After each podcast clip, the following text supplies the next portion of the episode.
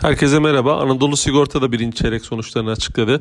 Ee, piyasanın tahmini zarar yönündeydi. 40 milyon TL zarar bekleniyordu. Biz de 50 milyon TL zarar bekliyorduk. Ee, beklentimizden çok daha iyi bir kar geldi. 197 milyon TL net kar geldi. Ee, çeyreksel olarak geçen çeyreğe göre %8 artışa, yıldan yıla ise %19 artışa işaret etmekte. Burada özellikle e, sigorta düzenleyici kurumunun e, aldığı kararla iskonto oranının 3 puan arttırılması e, karlılığı desteklemiş gözükmekte.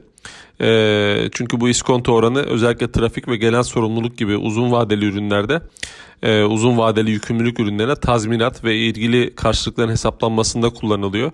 Yüksek e, iskonto oranı daha az rezerv gideri anlamına geliyor ve karlılığı destekliyor.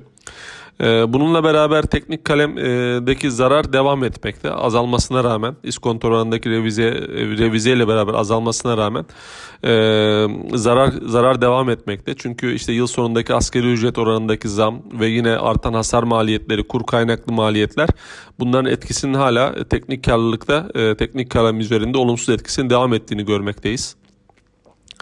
Ee, birleşik oran olarak bakarsak da birinci çeyrekte %20 %123 seviyesinde gerçekleştiğini görüyoruz ki geçen çeyrek bu %160 seviyesindeydi. E, portföy yönetiminin iyi e, iyi olarak devam ettiğini ve finansal gelirleri desteklediğini görmekteyiz. Sermaye getirisi olarak baktığımız zamansa e, birinci çeyrekte %17 olarak gerçekleştiğini görmekteyiz.